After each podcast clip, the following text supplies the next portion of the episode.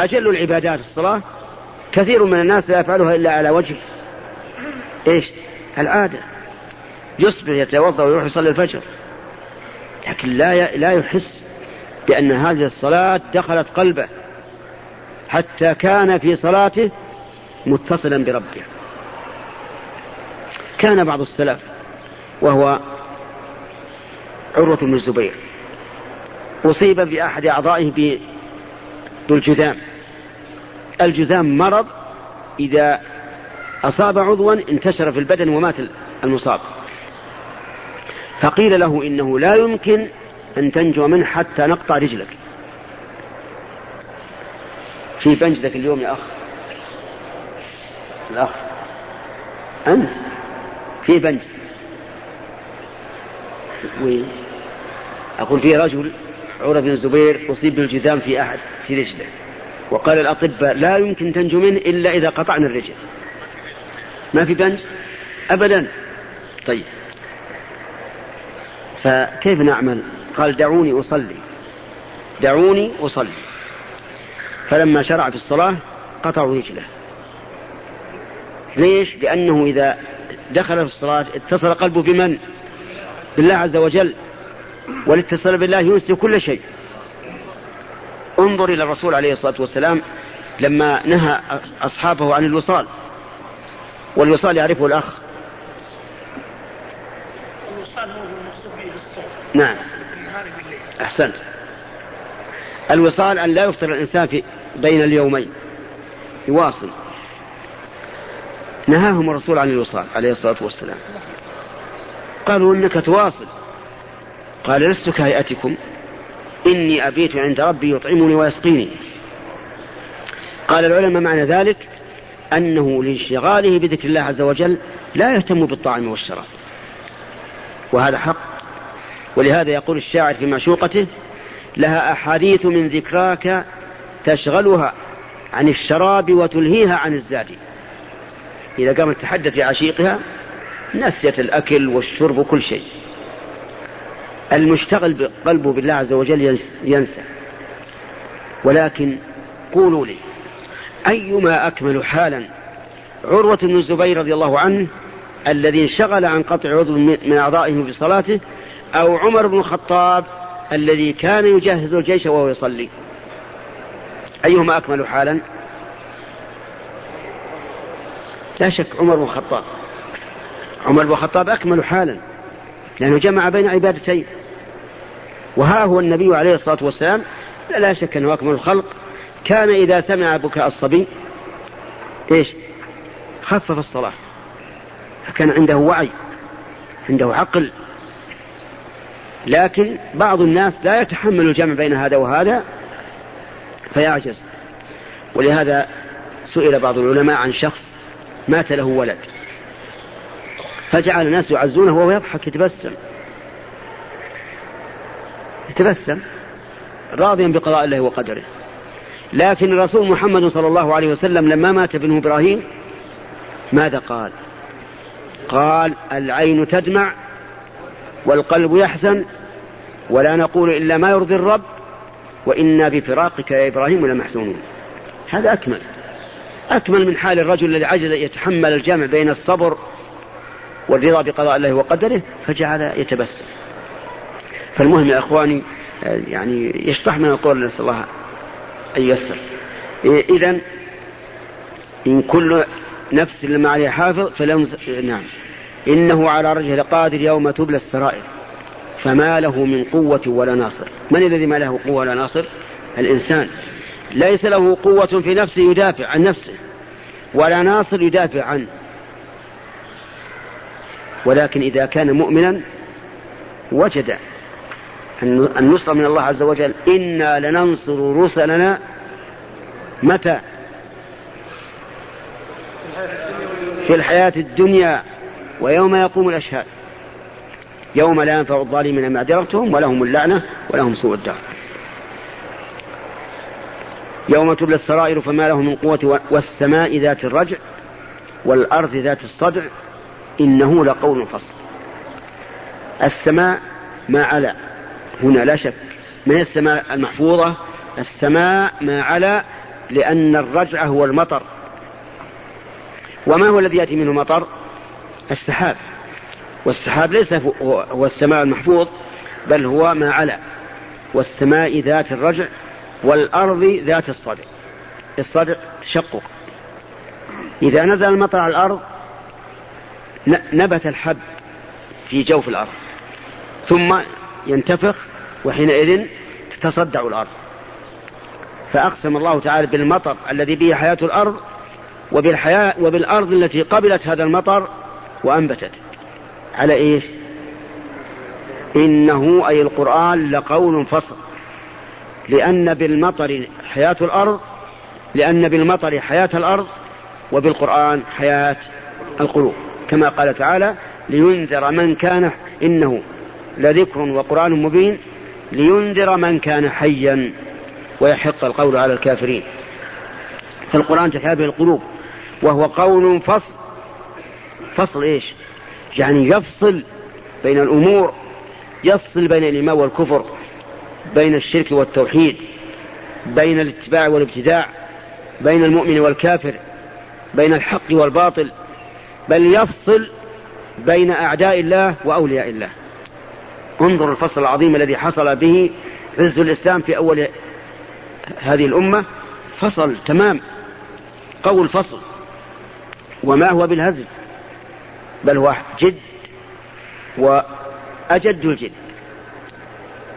إنهم يكيدون كيدا. من؟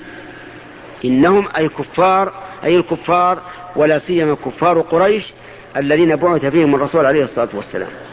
يكيدون كيدا وأكيد كيدا يكيدون جميعا. وأكيد أنا وحدي. كيدا. وجمعهم لن, يؤث لن يهزم رب العزة والجلال. على أنه واحد. وهم إيش؟ جمع. وقول كيدا في الموضعين للتعظيم. يعني يكيدون كيدا عظيما. وأكيد كيدا أعظم. كما قال تعالى ويمكرون ويمكر الله والله خير الماكرين. ومكروا مكرا ومكرنا مكرا وهم لا يشعرون. اذكروا لي أعظم كيد كاده المشركون للرسول عليه الصلاة والسلام. أيها المؤرخون ما عندنا نحويون ولا عندنا مؤرخون ولا نعم. تفضل.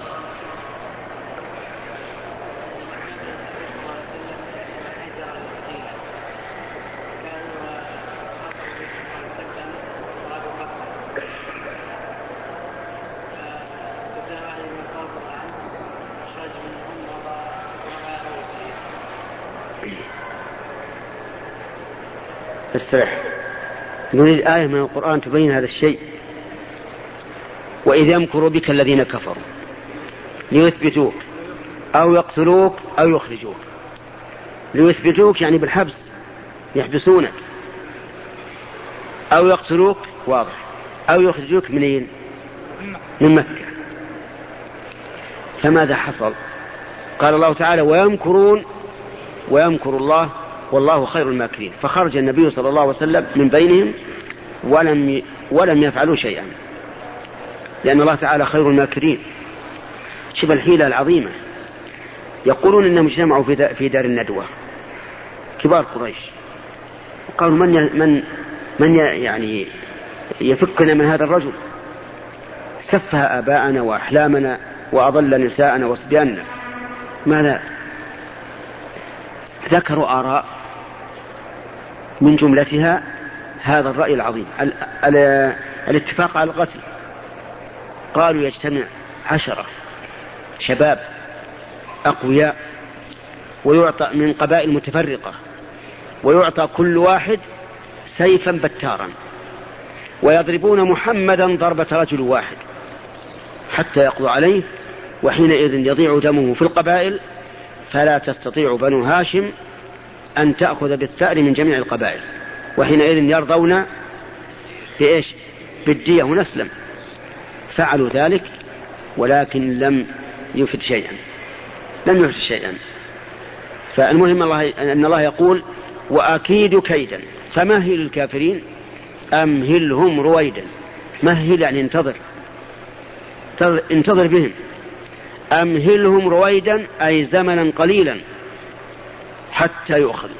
والحمد لله ما صار إلا مدة وجيزة بعد أن خرج الرسول صلى الله عليه وسلم من مكة خائفا على نفسه بعد ثمان سنوات رجع إليها منصورا مظفرا. حكم قريش بيده. ذكر المؤرخون أن النبي صلى الله عليه وسلم لما دخل مكة قال من دخل المسجد فهو آمن. إيش بيأمنهم؟ هم كانوا بالأول يخيفون والآن هو الذي يخيفهم. من دخل المسجد فهو آمن. ومن دخل بيته فهو آمن. ومن دخل دار أبي سفيان فهو آمن. ثم لما انتهى الأمر وقف على باب الكعبة وقريش تحته ينتظرون ماذا يفعل. لأنه فاتح. ماذا يفعل؟ فماذا فعل عليه الصلاة والسلام؟ فعل فعل الحليم الرحيم. قال لهم يا معشر قريش ما ترون أني فاعل بكم؟ قالوا أخ كريم وابن أخ كريم.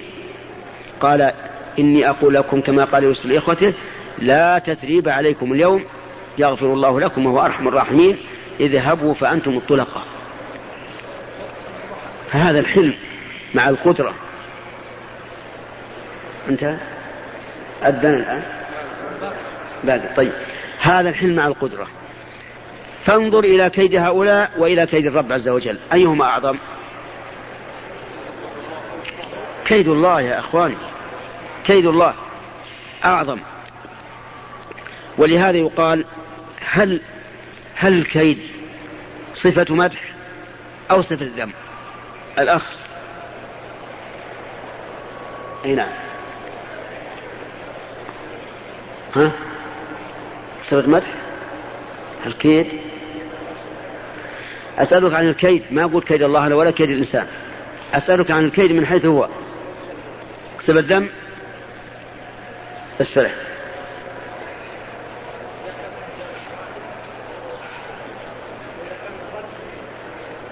يعني في التفصيل. إذا كان في مقابلة كيد العدو فهو صفة مدح وإذا كان ابتداء فهو صفة ذم تمام. الكيد والمكر والاستهزاء والسخرية كلها على هذا الباب. إن كانت في محلها فهي صفة مدح فيسخرون منهم إيش؟ سخر الله منهم. قالوا إنما نحن مستهزئون الله يستهزئ بهم. إنهم يكيدون كيدا واكيد كيدا ومكروا مكرا ومك ومكرنا مكرا. وهم وهم يجادلون في الله وهو شديد المحال. وهلم جرا. فمهل الكافرين أمهلهم رويدا. هذه السورة كما سمعتم سورة عظيمة. وإني وإني وإني أحث الشباب خاصة وغيرهم أيضا على فهم كتاب الله. لا على أن يقرأوه تعبدا بتلاوة فقط. إن الله يقول في كتابه كتاب أنزلناه إليك مبارك. إيش؟ ليدبروا آياته وليتذكر. ليدبروا آياته وليتذكر أولو الألباب. لا بد من التدبر والتدبر وتفهم المعنى. وليذكر أولو الألباب يتعظوا به. ولهذا كان الذين يقرؤون الناس القرآن من الصحابة كانوا لا يتجاوزون عشر, عشر آيات من كتاب الله حتى يتعلموها وما فيها من العلم والعمل. لكننا مع الأسف الآن تأتي إلى فصل كامل في الجامعة. وتعال فسر لها الآية لا, لا تكاد ترى واحدا منهما في السورة وهذا نقص. إذا كنا نحرص على شرح الأحاديث الواردة عن النبي عليه الصلاة والسلام فلماذا لا نحرص على تفسير كلام الله؟ هذا أولى وأعظم. والإنسان سبحان الله اسأل مجربا. كلما تأمل كتاب الله اتضح له من المعاني ما لم يكن يعرفها من قبل. فمن اتبع هداي فلا يضل ولا يشقى. جرب تجد جرب تجد. وفي القرآن في القرآن حل كل شيء. كل شيء يشكل عليك في القرآن. صح؟ الدليل ونزلنا عليك الكتاب إيش؟ تبيانا لكل شيء. لكن أحيانا يكون بيان القرآن بالأصالة وأحيانا يكون بيان القرآن بالإحالة. على إيش؟ على السنة. أحيانا الأمر واضح في القرآن. يا أيها الذين آمنوا إذا قمتم إلى الصلاة فاغسلوا وجوهكم وأيديكم المرافق وامسحوا برؤوسكم وأرجلكم إلى الكعبين. هذا واضح ولا غير واضح؟ واضح لا يحتاج تفسير لكن تأتي للذين للذين أحسنوا الحسنى وزيادة الزيادة هذه ما, ما نعرف معناها. حتى فسرها النبي عليه الصلاة والسلام. لكن ما من إنسان يتدبر القرآن إلا وجد فيه من العلوم العظيمة ما لا يجدها في غيره. إن جئت في النحو وجدت شواهد. إن جئت في البلاغة وجدت شواهد. إن جئت في البيان وجدت شواهد. إن جئت في العقائد وجدت شواهد. في الفقه وجدت شواهد. في كل شيء. قالوا إن بعض العلماء علماء المسلمين اجتمع في مطعم من مطاعم أوروبا ومعه نصراني. في نفس المطعم لكن ليسوا على مائدة واحدة. فيما يظهر فجاء النصراني متحديا. قال إن كتابكم نزل تبيانا لكل شيء. فكيف صنعت هذه الزلطة؟ كيف صنع هذا الخبز؟ كيف صنع هذا اللحم؟ هذا ما همه الا بطنه يعني يريد القرآن يكون إيش؟ كتاب مطبخ. كيف صنع هذا؟ الرجل هذا العالم ذكي. أعطاه الله تعالى ذكاء وإن شاء الله أعطاه ذكاء أيضا.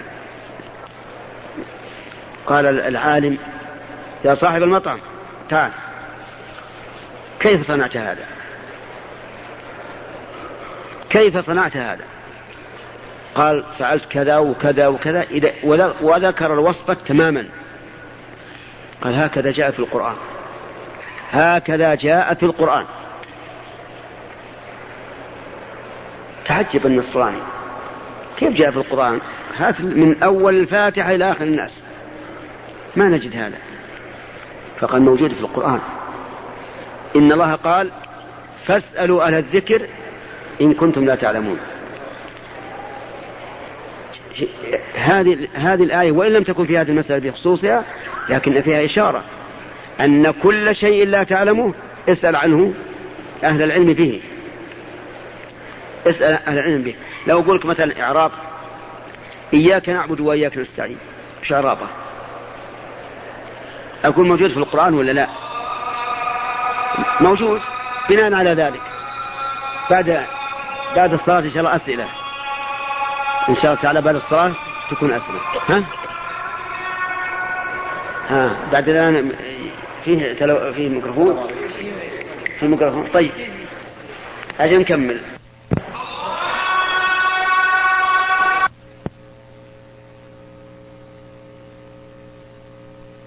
اللهم صل على محمد اللهم رب هذه الدعوة التامة والصلاة القائمة محمد الوسيلة والفضيلة. وبعثه مقاما محمودا الذي وعدته أنك لا تخلف الميعاد.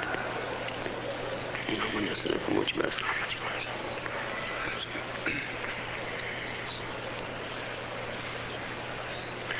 كما جاء في الحديث الدعاء بين الأذان والإقامة لا يرد.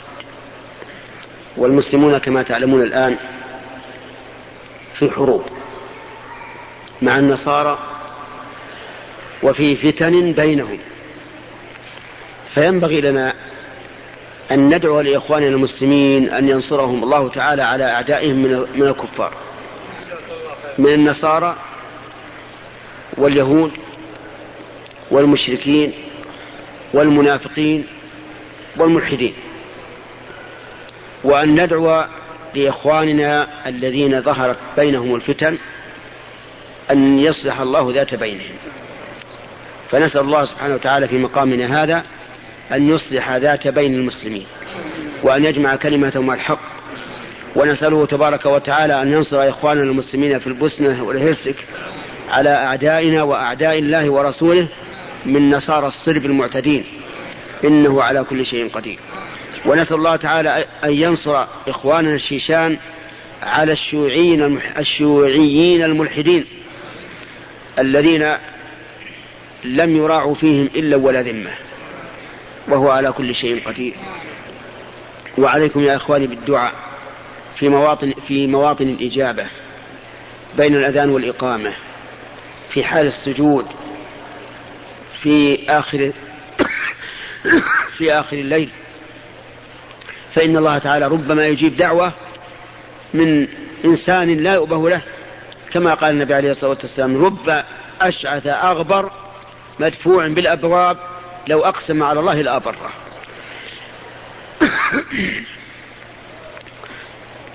أقول بارك الله فيكم أحث نفسي وإياكم على تدبر كلام الله عز وجل وتفهم معناه ففيه الخير كل الخير سعادة الدنيا والآخرة.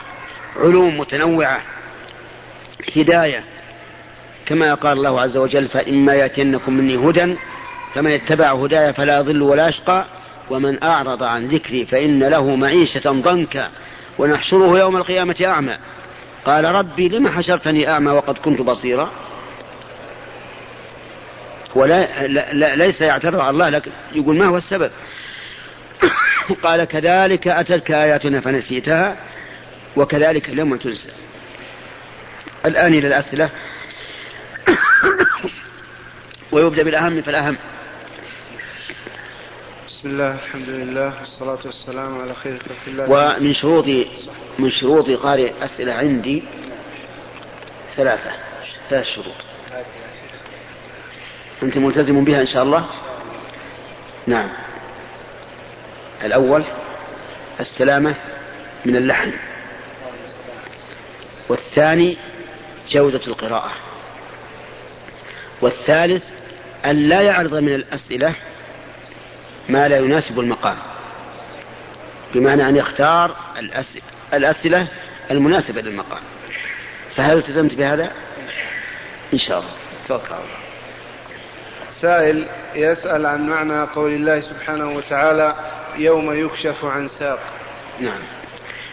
آه، يقول الله عز وجل يوم يكشف عن ساق ويدعون إلى السجود فلا يستطيعون خاشعة أبصارهم ترهقهم ذلة وقد كانوا يدعون إلى السجود وهم سالمون. هذه الآية فيها قولان للسلف. الأول أن المراد بالساق الشدة. يعني يكشف عن شدة وتشتد الأمور ويدعى هؤلاء المنافقون إلى السجود ولكن لا يستطيعون. لأنهم لم يسجدوا لله عز وجل في الدنيا فلم يتمكنوا من إجابة من إجابة أمر الله تعالى في الآخرة. والقول الثاني أن المراد بالساق هنا ساق الرب عز وجل. أما الأول فيؤيده اللفظ وأما الثاني فيؤيده حديث أبي سعيد الطويل. حيث ذكر النبي صلى الله عليه وسلم أن الله يكشف عن ساقه فهل نأخذ بظاهر اللفظ؟ أو نقول إن السنة تبين الظاهر وتحدد المعنى؟ أجيبوا تفضل. الأول أو الثاني بس. هل نأخذ بظاهر اللفظ ونقول المراد بالساق هنا الشدة وأن ساق الله ثبتت بالحديث. والحديث تثبت به الصفات كما تثبت بالقرآن. أو نقول إن الآية تفسر بما يطابق الحديث. استرح. تفضل. ها؟ طيب بارك الله هذا صحيح. لهذا لولا الحديث الذي فيه أن الله يكشف عن ساقه جل وعلا لحرم أن نفسر الساق بأنها ساق الله. لماذا؟ لأن الله لم يضفها إلى نفسه. وكل شيء لا يضيفه إلى نفسه لا يجوز أن تضيفه أنت إلى الله. لكن ما دامت السنة جاءت بالسياق المطابق للآية وأن الساق وساق الرب عز وجل فإننا نرجح أن المراد بالساق هنا إيش؟ ساق الله تبارك وتعالى ولكن يجب أن نعلم أنه لا يماثل سوق المخلوقين. لأن عندنا آية من كتاب الله محكمة واضحة هي طيب أحسنت. ليس كمثله شيء وهو السميع البصير. هذا خبر فلا تضربوا لله الأمثال. هذا نهي. نعم. جزاكم الله خيرا. سائل يقول فضيلة الشيخ السلام عليكم. إيش؟ أعد. سائل يقول نعم. فضيلة الشيخ. خطأ. يا فضيلة ها؟ هذه هذه بارك الله فيك. تنصب. المنادى إذا أضيف صار منصوبا يا نساء النبي لستن كأحد. يا نساء ولم يقل يا نساء. محذوفة فضيلة الشيخ يقول ما حكم الاستغفار للمشرك أو الكافر؟ إيش؟ ما حكم الاستغفار للمشرك أو الكافر؟ لا يجوز للإنسان أن يستغفر لمشرك أو كافر. لقول الله تبارك وتعالى ما كان للنبي والذين آمنوا أن يستغفروا للمشركين ولو كانوا أولي قربى من بعد ما تبين لهم أنهم أصحاب الجحيم. ولكن يرد علينا يرد على هذا مسألة. أليس إبراهيم قد استغفر لأبيه؟ أجاب الله عنه. فقال وما كان استغفار إبراهيم لأبيه إلا عن موعدة وعدها إياه فلما تبين له أنه عدو لله تبرأ منه. إن إبراهيم لأواه حليم. وسبحان القادر على كل شيء. زد زد شوي. سبحان القادر على كل شيء. إبراهيم أبوه إيش؟ مشرك. يعبد ما لا يسمع ولا يبصر ولا يغني عنه شيئا. ونوح ابنه كافر غرق مع الهالكين مما يدل على كمال قدرة الله عز وجل وأنه يخرج الكافر من المؤمن والمؤمن من الكافر. نعم. المهم أنه لا يجوز أن تستغفر للمشرك مهما عمل من الخير لا يجوز. وكذلك الكافر الذي مات على كفره. فلو مات إنسان وهو لا يصلي وأنت تعلم أنه لا يصلي إلى آخر رمق فلا يجوز أن تدعو الله له بالمغفرة ولا بالرحمة ولا بالرضوان لأنه مات لأنه مات على الكفر. نعم. هو يستشهد الشيخ بقول الرسول صلى الله عليه وسلم لكفار قريش تقريب عليكم اليوم. نعم. إلى لما هم كفار هم أسلموا. كلهم أسلموا. لا ما يكفي نعم. فضيلة الشيخ يقول السائل علمنا كيفية إصلاح الظواهر فكيف نصلح سرائرنا؟ كل امرئ كل امرئ حسيب نفسه في إصلاح باطنه. لكن من أسباب الإصلاح إصلاح الباطن أن يكون الإنسان دائما مع الله يكثر ذكره واستغفاره وعند المعاصي يخاف منه وعند وعند الطاعات يطمع في رحمته. المهم أن يعلق قلبه بالله عز وجل لا بالدنيا وزخارفها ولذاتها وشهواتها. قال الله تبارك وتعالى زين الناس حب الشهوات من النساء والبنين والقناطير المقنطرة من الذهب والفضة والخيل المسومة والأنعام والحرث. ذلك متاع الحياة الدنيا والله عنده حسن المآب. قل أنبئكم بخير من ذلكم؟ للذين اتقوا عند ربهم جنات تجري من تحتها النار خالدين فيها وأزواج مطهرة ورضوان من الله والله بصير بالعباد. نعم. جزاكم الله خيرا. سائل يقول هل يجوز للمسلم عند الدعاء أن يقول اللهم بحق رسول الله أو بمحبته؟ أو بإيش؟ أو بمحبته. نعم. التوسل إلى الله عز وجل بالدعاء أو حال الدعاء إنما يكون فيما صح أن يكون وسيلة. لأن الوسيلة هي كل ما يتوصل به الإنسان إلى حصول مقصوده. وعلى هذا فلا بد أن تكون وسيلة شرعية أو قدرية. ونكمل إن شاء الله بعد الصلاة.